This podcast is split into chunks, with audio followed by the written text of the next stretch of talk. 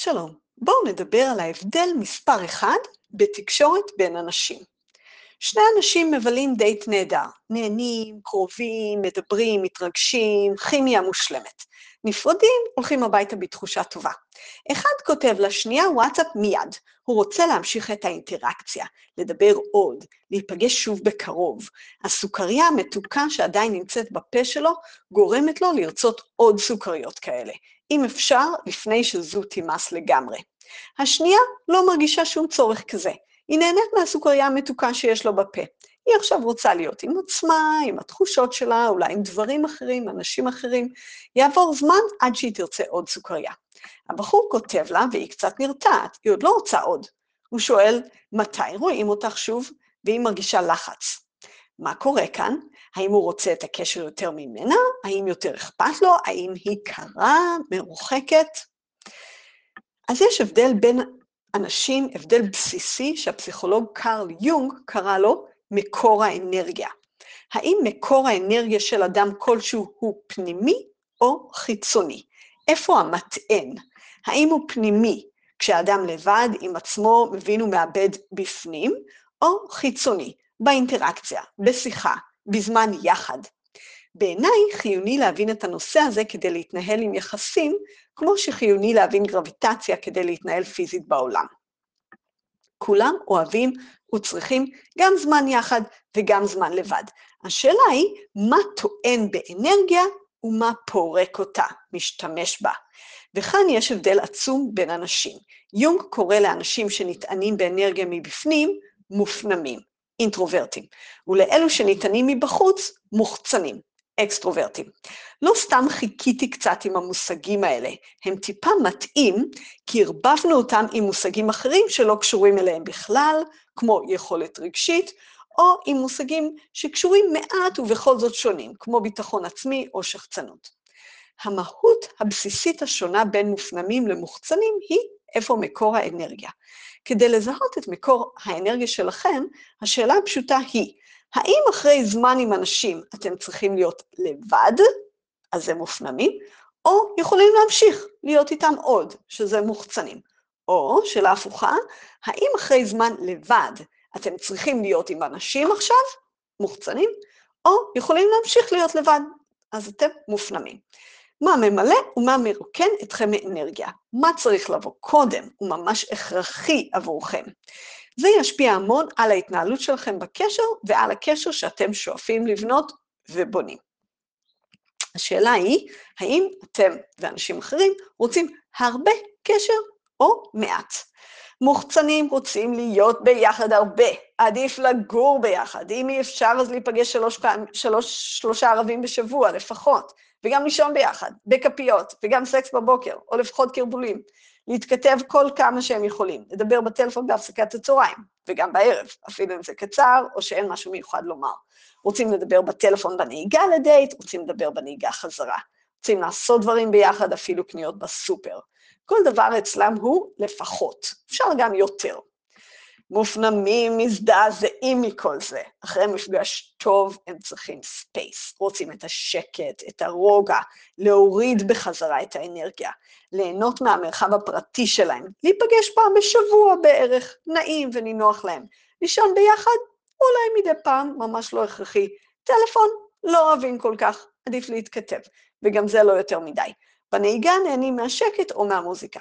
כל דבר אצלם הוא מקסימום, אפשר גם פחות. הדבר המדהים הוא שהאיכויות האלה של מקור האנרגיה הן פנימיות לגמרי. מזהים אותן בדיוק מרשים אצל תינוקות. התכונה כנראה גנטית עם השפעה של הילדות, אבל אין קשר לקשר. אדם לא מופנם או מוחצן בגלל דינמיקה של יחסים. יותר מזה, אין שום ערכיות של טוב ורע בין מופנמים למוחצנים. לכל אחד מהם יש מתנות אחרות לתת לחברה ולקשר. אין גם שום קשר בין מקור אנרגיה לבין אהבה או מסירות. שני הטיפוסים יכולים להיות מסורים ואוהבים או לא, אבל זה ייראה אחרת. עוד על מופנמות בספרה המעולה של סוזן קיין, שקט. נחזור לזוג מתחילת הסיפור. בלי להבין את ההבדל ביניהם, הוא מתחיל להיעלב. היא כנראה פחות מעוניינת בו מאשר הוא בא. הוא יכול לסגת באכזבה או להפעיל לחץ. הוא מתבלבל. רגע, רק אני הרגשתי שהיה לנו חיבור מדהים? זו טעות שלי? אולי אני תובעני מדי? בלי להבין את ההבדל ביניהם, היא, מרגישה, היא מתחילה להרגיש רע. למה גברים כאלה מלחיצים? למה אנשים לא מבינים את הקצב שלי? היא יכולה להתבלבל. אולי משהו אצלי דפוק? הנה גבר מקסים, מה לא בסדר בי שאני מרחיקה אותו?